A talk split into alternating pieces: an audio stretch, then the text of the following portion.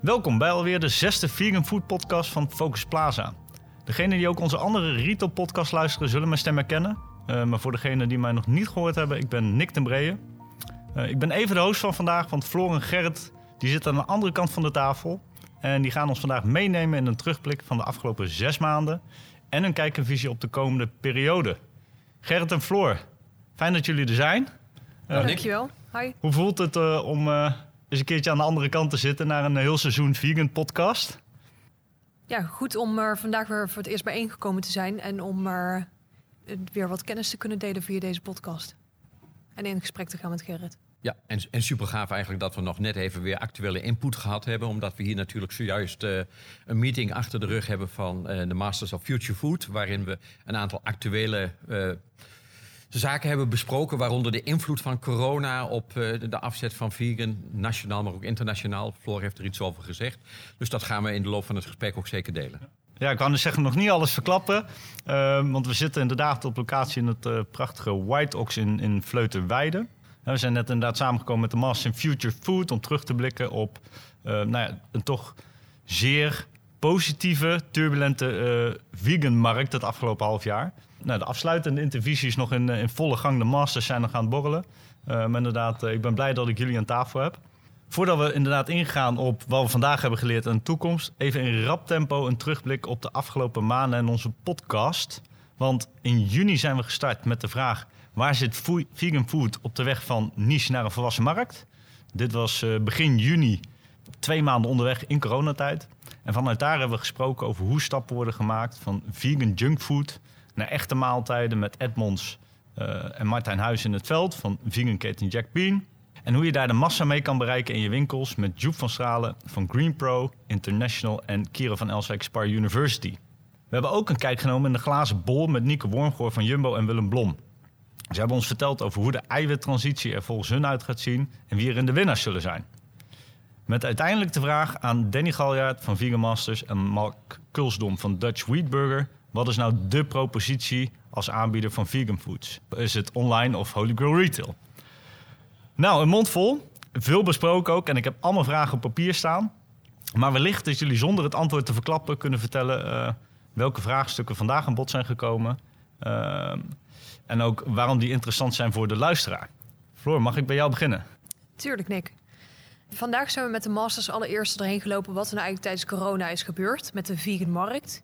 En wat voor invloed dat ook heeft gehad op hun bedrijf bijvoorbeeld. En zo kwamen er een aantal thema's steeds naar boven.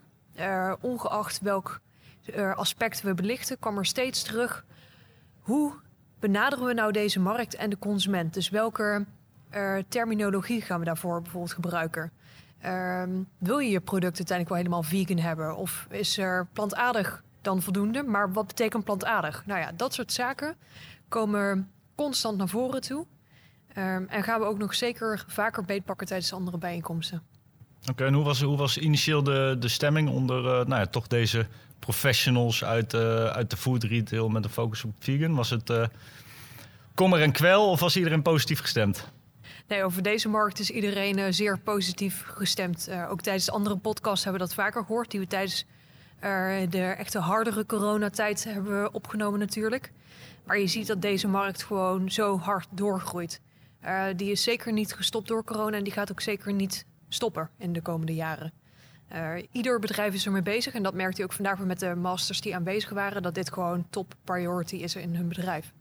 En Gerrit, hoe, uh, hoe heb jij dat ervaren in vergelijking met, ehm, met andere mensen die we gesproken hebben uit de food retail? Zit er een verschil tussen al het andere food retail en de, en de, en de categorie vegan? Nou ja, de, de food retail zit natuurlijk toch wel in uh, een beetje in een winnersmoed hè, door het, uh, het hele corona. Je zag dat mensen op het moment dat uh, de lockdown zich aandiende, dat mensen massaal gingen hamsteren. Je zag ook een verschuiving van foodservice naar, naar retailing. Dus als je kijkt naar de indexen van de verschillende retailorganisaties, dan waren die eigenlijk de meeste wel bijzonder positief. En ik denk dat vegan daar zeker eh, positief in mee is gegaan. We hebben het er ook wel even over gehad vanmiddag. Ehm betekent niet dat vegan per definitie eh, de, zeg maar de propositie van, van vlees onder druk heeft gezet. Ook vlees is meegegaan in het geheel. Ehm, mensen kochten meer vlees dan voorheen. En dat vlees wat dan toch in huis was, dat ging vervolgens in de mooie zomermaanden op, op de barbecue. Dus je zag de indexen van, eh, van vlees omhoog gaan. Maar gelijktijdig eh, ging vegan daar wel, eh, wel heel nadrukkelijk in mee. Ja. Ja, iedereen die, ehm, die ik vandaag heb gezien, die zag de afgelopen periode wel eens extra springplank voor het thema en de, en de categorie. Volgens mij was dat over het algemeen wel de stemming. Ik weet niet of jullie dat ook zo hebben ervaren. Ja, voor de, voor de korte termijn is, is het zeker zo dat, dat eigenlijk iedereen wel een beetje in de winning mood ziet en ook erg optimistisch is over de, kansen van vegan. Er zitten best wel een aantal uitdagingen aan te komen. Daar zullen we het zo dadelijk zeker nog over hebben. Er liep ook wel een rode draad door het gesprek van, eh, van vanmiddag. Maar het sentiment is, eh, is zeker positief. Ja, want als ik even terugga naar, een, eh, naar het gesprek wat we begin juni hadden met Pieter Kuizinga. Ehm, daarin refereerde hij dat in 2025 de omzetten verdubbeld zouden zijn ten opzichte van eh, toen. Hè, dus dat was begin juni. Eh Floor, hebben we dat eh, inmiddels al gehaald met de, de enorme groei? Nou, verdubbeld nog niet. Ehm, ik vind het zelf al persoonlijk lastig om een, een verwachting voor deze markt te geven. Want als je kijkt naar de marktrapporten die de afgelopen jaren zijn gepubliceerd... Nou, daar zitten we, die verwachting die werd afgegeven voor 2019, 2020, daar zitten we gewoon al ver boven. Deze markt groeit zo ontzettend hard dat er. Je, je kunt er een nummertje op plakken, maar deze markt leidt bijna zijn eigen leven, lijkt het wel. Ja, maar ten opzichte van, van juni. Hè, juni zat, zaten op een plusindex. En wat doet die, die index nu? Blijft die, eh, blijft die hetzelfde? Zakt die hard terug? Hoe doet die ziet- het ten opzichte van de rest? Ja, ten opzichte van bijvoorbeeld maart, toen waren de indexen echt ontzettend hoog, is het wel weer wat afgezwakt, maar de index blijft gewoon hoog. En vorig jaar hadden we ongeveer een plus van 25% op de totale markt, daar zitten we nu nog wel boven. Ja. Ehm, dus je ziet wel ook een grotere groei nog dan vorig jaar. Ja, dus eigenlijk de voorspelling. Gert-Jan eh, Gombe van Vivera, die zei, de- die zei nog veel. Ik mik op drie keer. Ehm, hè, wat je zegt, er is moeilijk een cijfer op te plakken. Maar Ja, toen kon hij misschien nog niet zeggen, maar het betekent ook wel dat hij wist dat ze de- ruim 30 miljoen zouden gaan investeren in nieuwe uitbreiding van productiecapaciteit. Dus ja, er, er gaat ook wel iets gebeuren eh, rondom Vivera. Ja. ja, Vivera die zal nu als geen ander eh, meekrijgen dat een investering juist in deze tijd nog sneller terug zal betalen en zo, zich, zich zal gaan lonen. En we spraken ook over een grotere bewustwording de afgelopen maanden. Hè? Door corona, door eh, het bewust bezig zijn met je, eh, met je voeding. Is dat een, een, een tijdelijk, tijdelijke verschuiving geweest of hoe, hoe staat het daarmee? Floor, denk- kijk, ik even, niet. kijk ik even Ja. jou, want de luisteraar kan het niet zien. Maar Ik denk niet dat het een eh, tijdelijke bewustwording is. Tuurlijk, er zullen consumenten zijn die op den duur terugvallen in oude patronen. Eh, maar dit is wel een situatie die zo lang aanhoudt dat mensen wel echt er gedragsverandering gaan toepassen. En ook als je naar de data kijkt die bijvoorbeeld vandaag heb gepresenteerd, dan zie je gewoon eh, dat die bewustwording wereldwijd plaatsvindt. Van Europa tot Amerika, tot China. Eh, overal zie je dat consumenten echt actief op zoek zijn naar eh, gezondere en duurzamere voeding en zich heel bewust zijn van de oorsprong van hun voedsel. Ehm, dus dat is iets wat we niet alleen de veganmarkt terug gaan zien, maar wat we ook terugzien in andere categorieën. Ja, het is wel opmerkelijk in dat geval ook dat, dat Stegeman eigenlijk recent eh, aangaf dat zij denken dat tot 20- 2030 de vleesconsumptie eh, bijna zal halveren, volgens mij, als ik, het, als ik goed zeg. Dus ook zij gaan de komende tijd enorm inzetten op, op een verdere ontwikkeling van vegan. En zelfs met de introductie uiteindelijk van een vegan eh First Day. Om, om, om maar aan te geven dat ook, ook een traditionele vleeswarenfabrikant absoluut gelooft in, in een enorme groei van, van deze categorie. Ja, ja dat is wel mooi. Want eh, tussen eh, in de gesprekken met, met de masters merk je ook dat voor de, voor de mensen die, die puur op, op, op de, dit thema zijn gefocust, is het pad redelijk geplaveid. Maar mensen eh, die in een sector werken waar ook hè, de traditionele eh, productsoorten nog een grote rol spelen, die merken toch dat het soms wat lastiger is om, eh, eh, om die categorie echt op een, op een, op een ander voetstuk eh, te zetten. Ja, dat komt misschien ook wel een klein beetje door de, de, grote internationale cijfers. Hè? Als je kijkt dat, eh, dat, dat de vleesmarkt eh 1000 miljard is en de komende jaren 1200 miljard gaat worden. En wat is de veganmarkt? Van 15 misschien met verwachting naar 32 op termijn. Dan praat je natuurlijk nog wereldwijd gezien over peanuts. En een aantal landen zitten nog in een andere ontwikkeling dan bijvoorbeeld Nederland. Waar je wel degelijk uh, in een aantal categorieën forse, forse stijgingen ziet. Dus het is ook wel een klein beetje door welke bril je naar de ontwikkelingen kijkt. Maar ik denk dat met name de Nederlandse retailorganisatie de, zich de komende maanden en misschien komen dit jaar wel zal moeten gaan afvragen van hoe ga ik nou met deze categorie om ook expliciet in, in de winkel als het gaat om de, de plek die die het moet gaan geven. Um, op welke manier moet ik het gaan aanduiden? We hadden, we hadden het er vanmiddag nog even over. Um, moet je het in een aparte categorie benoemen? Moet je de producten, de vegan producten, gewoon in het reguliere schap zetten? Moet je aparte koelingen maken? Dat zijn uitdagingen waar, uh, waar retailers de komende maanden en, en naar de toekomst toe wel een, een oplossing voor moeten vinden. En waar producenten heel graag in meewerken met bijvoorbeeld uh, tests en met dataverstrekking natuurlijk.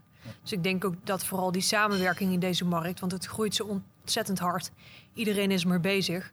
Uh, dat je, uh, volgens mij een slogan die Focus Plaza zelf vaak ook gebruikt. Samen kom je veel verder uh, dan wanneer je alleen op je eilandje blijft zitten. Ja, ja we hebben het daar een eerdere podcast met, met Kier ook over gehad van Spar University. Dat ze ook testen van nou, hoe werkt het nou in de schappen wel en niet. maar even terugkomend op, um, op wat, wat Gerrit zei, Floor, een vraag aan jou. Um, vertel ze dadelijk even kort iets over je organisatie. Uh, die, die je hebt opgestart. Uh, maar Gerrit die zegt uh, terecht dat de vleesmarkt die groeit nog steeds. En toch ben jij volledig ehm, gefocust op, op die vegan markt. En verwacht je dat daar uiteindelijk meer groei in zal zitten dan, ehm, dan de traditionele markt. Dan heb je dus zelf zelfs een nieuwe stichting of organisatie opgericht om daarin de markt een stapje verder te helpen. Um, Vertel eens. Ja, klopt inderdaad. Ik zal eerst antwoord geven op je vraag over de, de vleesconsumptie. Je ziet inderdaad dat die de afgelopen jaren redelijk is gestabiliseerd, slash enigszins is afgenomen in de Nederlandse markt. Je ziet natuurlijk in verschillende regio's ter wereld een andere uh, afname of juist groei. Dus in de minder ontwikkelde landen is er juist meer vraag naar dierlijke eiwitten. In de westerse landen gaat het eerder om het verminderen van het aantal dierlijke eiwitten. Uh, dat komt ook omdat in uh, landen die in ontwikkeling zijn, daarbij is vaak nog überhaupt een tekort aan eiwitten. En daarbij gaat het dus om dat mensen daar genoeg aan binnenkrijgen. En daar zal de uitdaging veel meer zitten op het voorkomen dat het te veel doorstaat naar het dierlijke. In de westerse landen, zoals bijvoorbeeld dus in Nederland, gaat het veel meer om het terugdringen van de dierlijke consumptie. Um, en misschien niet eens per se om meer consumeren van plantaardige eiwitten, maar in verhouding moet er meer geconsumeerd worden. En wanneer die kanteling echt plaatsvindt, en dat zie je nu, we zitten al in die transitie, er, dan krijg je dus dat er op den duur minder vlees wordt geconsumeerd. En mensen meer naar plantaardige alternatieven, of hoe je het dan ook wilt aanduiden, is het een alternatief, is het een vervanger, er is het een geheel nieuw product, gaan wijken. Ja, dat... Dus we moeten ook gewoon niet alleen anders gaan consumeren, maar ook minder gaan consumeren. Ja, ja, Daar komt het wel op neer, ja. Maar toch, jij ziet een, een, een verdienmodel in, in, in de, in de veganmarkt ook. Ook al gaan we minder consumeren. Want ja, je bent een, eh, een bezig bijtje op de achtergrond als het gaat om uh, verbindingen zoeken uh, in de markt tussen bedrijven, wetgeving, onderzoekers. om vervolgens inderdaad dit thema op een, op een hoger niveau te ja. tillen. En dat alles met een uh, commercieel belang. Dus wij zijn er geen stichting bijvoorbeeld, uh, maar echt met het commerciële doeleind. Omdat we daarmee denken dat het grote publiek bereikt kan worden. Als ik dan heb over wij, uh, de mensen die mij kennen, die eerder naar de podcast hebben geluisterd, kennen mij misschien nog van Floreer Consultancy. mijn eigen consultingbureau, waarmee ik het afgelopen jaar diverse partijen op de plantaardige markt heb geadviseerd. inmiddels tijdens de corona zag, zag ik samen met mijn twee co-founders uit het buitenland Um, dat de vraag naar echte consultancy, zowel de plantaardige markt als bijvoorbeeld de fermentatie cell-based markt, dus we bijvoorbeeld over kweekvlees, die markt echt begrijpen. Dus eigenlijk de nieuwe industrie en daarmee de oude industrie kunnen helpen om daar een verdienmodel van te maken. Um, dus tijdens corona zijn wij heel druk bezig geweest inderdaad om daar een nieuw uh, consultancybedrijf in op te zetten. En dat heet Bright Green Partners.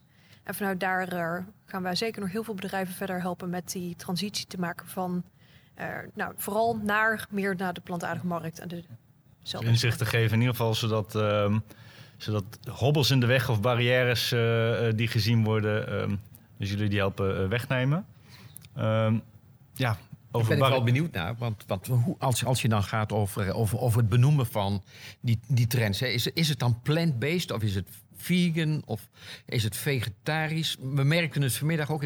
Het, blijft een, een beetje een worsteling. Welke kant denk je dat het uitgaat, uh, Floor? Ja, en als je dan in de industrie kijkt, dus veel meer ook terug in de keten, gaat het vaak over alternatieve eiwitten. Alternative protein, zo wordt het dan vaak ook weer genoemd. Terwijl deze industrie draait natuurlijk niet alleen maar om protein, om eiwit.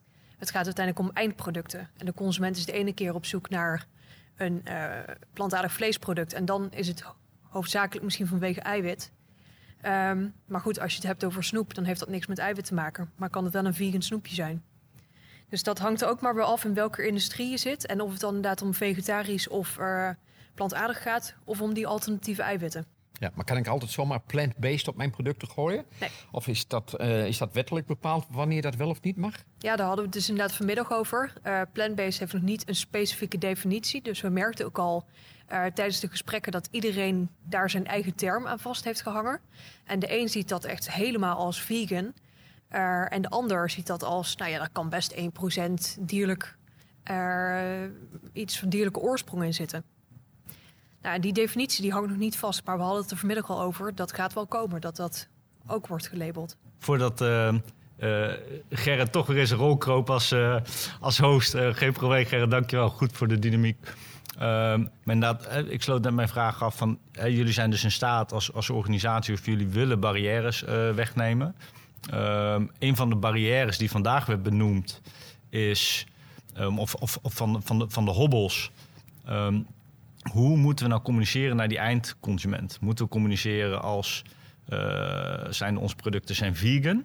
Om uh, ook de, de, mensen die echt veganistisch uh, willen eten aan te spreken. Of communiceren we plant-based en stemmen we daar ook uiteindelijk onze productie op af? Met andere woorden, onze productie hoeft niet 100% vegan te zijn. En daarbij kom je dus weer bij de vraag: wat is dan plant-based? En voor de ene dat maar interesseert de consument dat wat? Of zegt u, moeten we 98% van de consumenten eerst nog overtuigen om meer plantaardig te gaan eten? En is vegan uh, nog een, een bridge too far? Nou, vegan is hot, dus daarom zijn veel consumenten daar naar aan het kijken. Van wat is dan eigenlijk vegan? Oh, dat klinkt hip. Ik heb dat een keer gehoord, laat ik het proberen. Aan de andere kant schrikt het veel consumenten af, omdat zij zich niet in het hokje vegan zien. Zij voelen zich niet aangesproken. Um, dus uit onderzoek is gebleken dat je daarom beter de term plant-based of plantaardig kunt gebruiken. Dat klinkt vriendelijker, positiever. Iedereen er eet groente. Nou, oké. Dan spreek je de, de hoofddoelgroep mee aan. Maar goed, als je het dan hebt over ga ik het vegan, ga ik het plant-based maken. Uh, in de meeste ogen is plant-based is vegan. Maar goed, daar, daar verschillen dus de meningen nog over. En daarmee dus ook de vraag: wat, wil je, wat voor product wil je uiteindelijk maken? Tracht je naar een vegetarisch product of ga je het gelijk goed doen zodat je iedereen eigenlijk kunt bedienen? Maar jij zegt goed doen. Goed doen is een product voor maken voor 2% van de wereldbevolking. Als je het puur en alleen hebt over de vegans, dan zou je het hebben over 1, 2% van de wereldbevolking inderdaad. Maar goed, we hadden het vanmiddag er ook even over. Je hebt ook allerlei allergenen. Dus als je het dan bijvoorbeeld hebt over lactosevrij. Nou, als dat het geval is en je hebt een vegan product en daarmee is het lactosevrij, dan heb je weer een doelgroep erbij. Um, sowieso consumenten die daar naar, bewust naar op zoek zijn naar misschien wel de duurzaamheid van het product. En weten wat voor industrie er mogelijk nog meer achter kan zitten als het een vegetarisch product is. Nou, dan kan het ook wel een overweging zijn om voor een vegan product te kiezen. Dus, dus je hoeft niet alleen maar naar de vegan te kijken, naar die consument, om een vegan product uh, in de markt te verzetten. Ja, ja. Nou, het was een vraagstuk volgens mij uh, die, die bij iedereen speelde, waar veel over gesproken is. Um, ik denk ook nog niet dat het antwoord er is. Maar je merkt wel door daar samen over in gesprek te gaan... dat er in ieder geval een hele hoop nieuwe inzichten komen... en dat je probeert in de keten die samenwerkingen uh, aan te gaan. Uh, Gerrit, wellicht dat je ook iets kan vertellen... want aan het einde van, van, de, van de middag...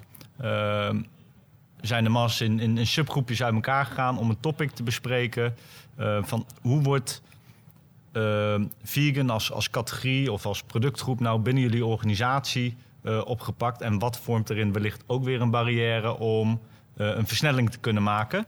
Uh, wat is jou erin uh, bijgebleven? Wat viel je op? Nou, het, valt me wel op hoe uh, vegan behandeld wordt bij de verschillende retailorganisaties en category management. Hè. De ene heeft een specifieke vegan specialist aangesteld, terwijl andere retailorganisaties het eigenlijk door de, de slager erbij laten doen, omdat het gezien wordt als een soort vleesvervanger. Uh, en, en, die benadering, uh, hoe het zeg maar in de cultuur van een retailorganisatie, bepaalt ook vaak hoe er vervolgens mee omgegaan wordt. En dat, daar liggen best nog wel uitdagingen. Uh, we hadden het vanmiddag bijvoorbeeld even over de opkomst nu en de manier waarop onze grootschutter Albert Heijn ernaar kijkt. Als het gaat om plantaardige zuivel. Dat, dat lijkt zo'n omvang te krijgen. Die kun je eigenlijk bijna een specifieke plek in, in het schap gaan geven. Waardoor het ook voldoende opvalt en voor de consument ook zichtbaar is dat je die categorie voert. Maar voor heel veel andere producten is dat nog veel lastiger. De, we hadden het bijvoorbeeld het voorbeeld van uh, vegetarische kaas. Laat dat maar eens opvallen in dat kaaschap, uh, wat al zo divers is en wat al roept van we zijn weidekaas, we zijn, nou vul het maar in, de 22 proposities die gekozen worden. Daar moet dan ook nog een keer de vegetarische kaas. Dus hoe krijg je die zichtbaar en hoe zorg je ervoor dat uiteindelijk uh, de consument weet dat jij het product verkoopt en überhaupt kan ze het nog vinden. En dat zijn wel een aantal uitdagingen waar, waar retailers op dit moment uh, mee worstelen. Hoe gaat het uh, A om de, zeg maar, de, de verkrijgbaarheid? En, die kunnen ze zelf invullen. Uh, en of dat dan vanuit category management vlees-vleeswaren gedaan wordt of door een aparte category management, daar kun je keuzes in maken. Maar is die verkrijgbaarheid op orde en besluit je het om het aan je assortiment toe te voegen, dan ligt er een enorme uitdaging als het gaat om de, de zichtbaarheid en vindbaarheid op het schap.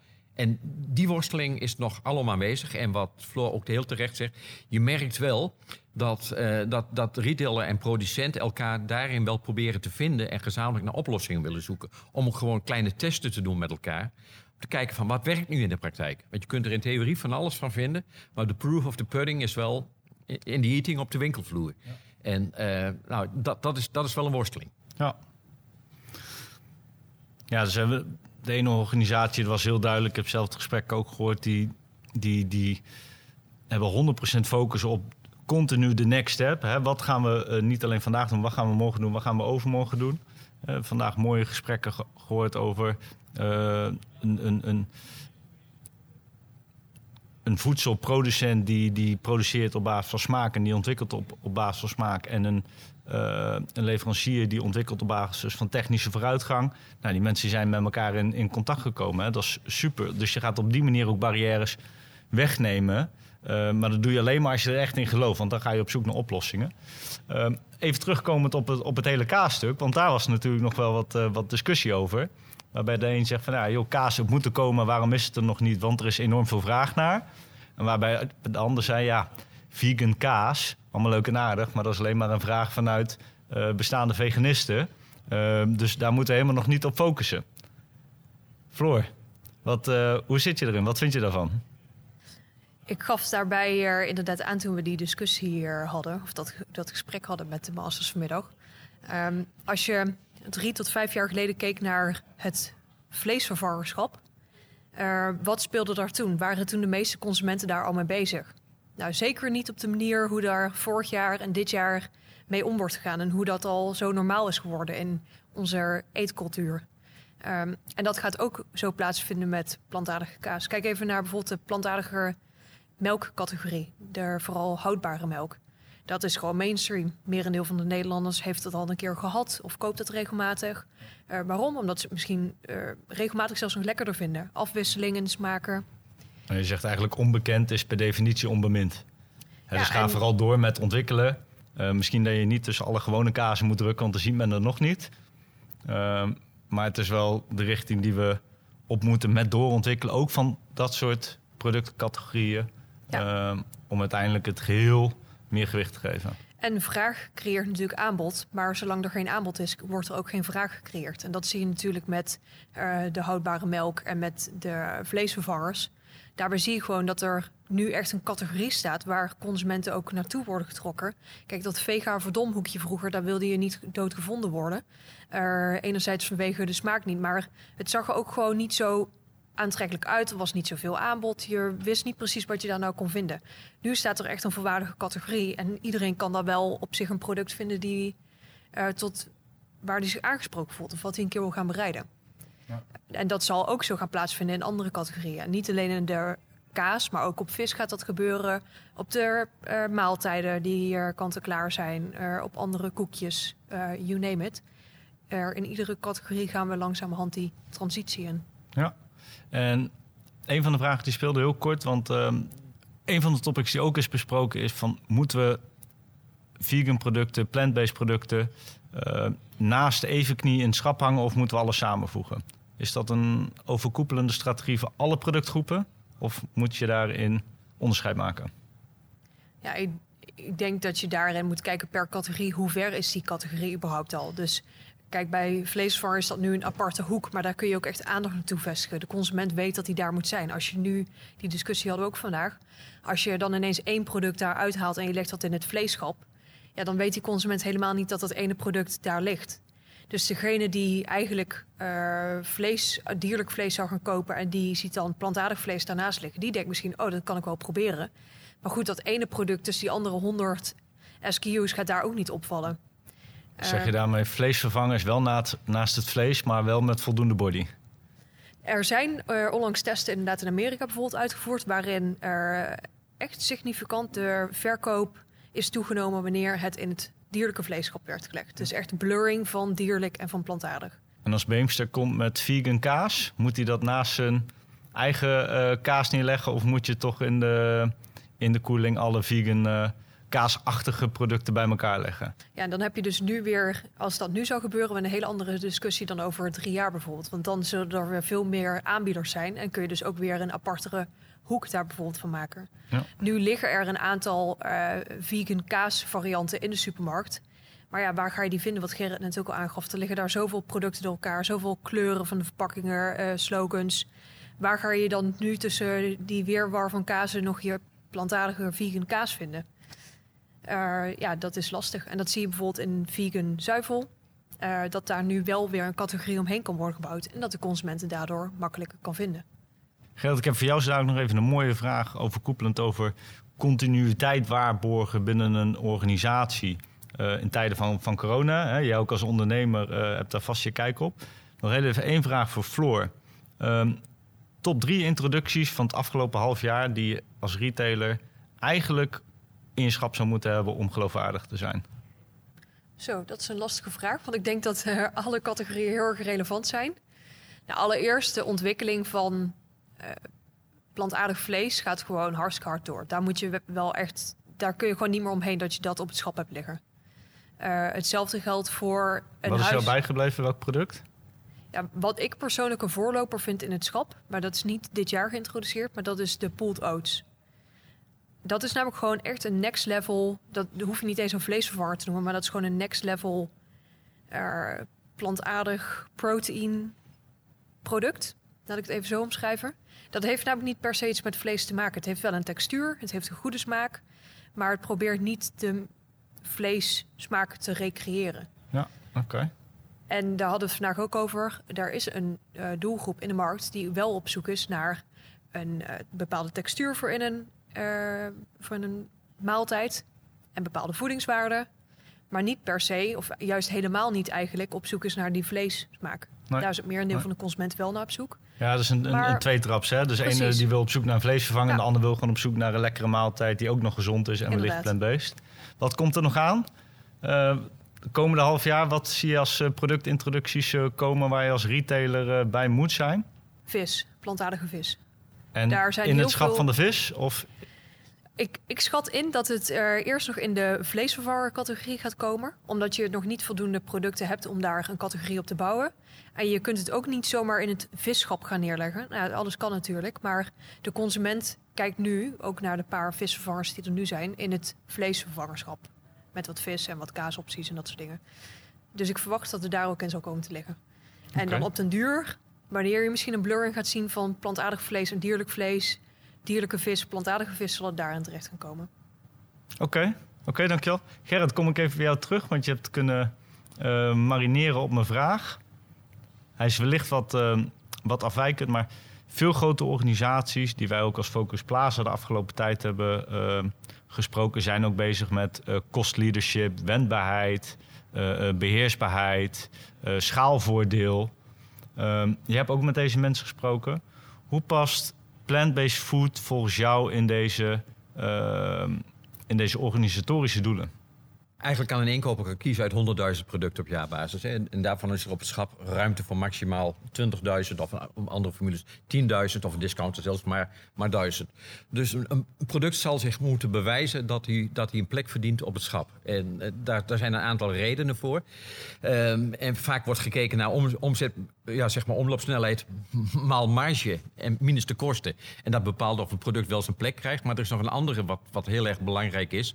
En dat is, wat, wat doet het product met mijn imago. Hè? Dus je kunt je product gebruiken om een bepaalde klantengroep naar je winkel te trekken. Je kunt ook een productgroep gebruiken om je, die klant voller te maken. Of uiteindelijk uh, hem terug te laten komen door hem een ervaring te geven of een uniek product te binden. Maar vegan doet, doet meer. Die gaat met name richting dat imago. Die, die laat dus eigenlijk zien dat je als retailorganisatie klaar bent voor, voor een nieuwe categorie uh, kopers die eraan zitten komen en die nog wel eens onderschat worden. En dat is natuurlijk aan de ene kant eh, na generatie eh, Z en millennials zijn, zijn dat de mensen die heel bewust nu gaan kiezen voor, eh, voor producten met een verhaal. En in, dit verhaal is het een verhaal wat ook met name jonge mensen aanspreekt. Eh, ook, ook een vrouwengroep. Je, je merkt dat met name ehm, jong meisjes die op middelbare leeftijd naar school gaan, in één keer thuiskomen en tegen moeders of vaders zeggen, of degene die het huishouden runt, ik ben vegan. En dat betekent in één keer dat ze op een andere manier willen gaan eten. En dan is het voor degene die de boodschap in huis doet wel erg lekker om te weten bij welke retailorganisatie gaat mij helpen om, om dat in te vullen. Dus er zit ook nog wel een strategische keuze aan om op een bepaalde manier iets met vegan te gaan doen. Los van hoe groot het nu is of straks gaat worden. En dus ondanks eigenlijk hè, wat er tijdens Retail Live ook werd gezegd door, uh, uh, door de grote retailers. Ja, cost leadership hebben we nodig, schaalvoordeel hebben we nodig. Maar wil je toekomstproof zijn, dan moet je een aantal van die KPI's uh, loslaten om die categorie ook naar de, naar de toekomst te, laten groeien. Ja, het is een heel mooi magneetje. Ja, ja, ja. ja. Ik zat nog te bedenken om een korte samenvatting te geven. Maar ik denk ook als luisteraar dat je wellicht deze podcast twee of drie keer mag luisteren. Um, heel veel informatie, maar dit geeft ook aan uh, hoe divers en hoe kansrijk uh, deze categorie, deze ontwikkeling kan zijn op het moment dat je uh, hem op de juiste manier weet op te pakken, op de juiste manier de samenwerking in de keten aangaat om vervolgens ook op de juiste manier onder de aandacht te brengen bij de consument. En de juiste manier, daar zijn we door alle podcasts en gesprekken heen wel achter. Er is er niet één, maar stem het af op de mensen die je wil bedienen als, als retailer, als leverancier en ook de, je productportfolio. Um, ja, daarmee komen we eigenlijk tot uh, het einde van, van een eerste seizoen Focus Plaza Vegan podcast. Floor Gerrit, hoe was het voor jullie om een keertje ja, toch op een, in een andere rol in deze, in deze aflevering te zitten? Nou, ik vind het super gaaf, omdat het wel de gelegenheid geeft om, om toch eens even datgene wat, wat je gezien en gehoord hebt, om dat eigenlijk in een soort uh, nog eens eventjes kort samen te vatten. Van wat is nou de relevantie geweest wat je met elkaar besproken hebt? En dat is goed dat jij ons eens even uitdaagt om te proberen die relevantie te benoemen. En, en, de uitdagingen waar, waar we tegenaan lopen. En dat, dat heeft alles te maken met, met, met communicatie. Welke claims ga je aan het product meegeven? En hoe ga je het product straks uiteindelijk een plek uh, geven op het winkelschap? Dat zijn, dat zijn twee hele belangrijke uitdagingen. Waarbij er misschien nog wel twee of drie bij komen naar de toekomst toe. En dat gaat over de, verkrijgbaarheid van grondstoffen. Welke grondstoffen ga ik gebruiken? Uh, wat, wat er ook nog heel sterk bij komt, om het dan toch maar even af te maken, is dan ook uh, de prijs. Je ziet dat er langzaam in een aantal categorieën prijsconcurrentie gaat ontstaan. En dat betekent wel dat, dat je ook daardoor andere keuzes moet maken. En um, de derde categorie die, die we met elkaar gaan, uh, gaan constateren... en dan ben ik hem even, even kwijt, wat ik wilde zeggen. Want ik had een mooie drietrapsraket waarbij ik zeg van... Het, het, gaat om grondstoffen, het, het gaat om de, de prijs. En ik had nog een derde. Volgens mij plek in het schap.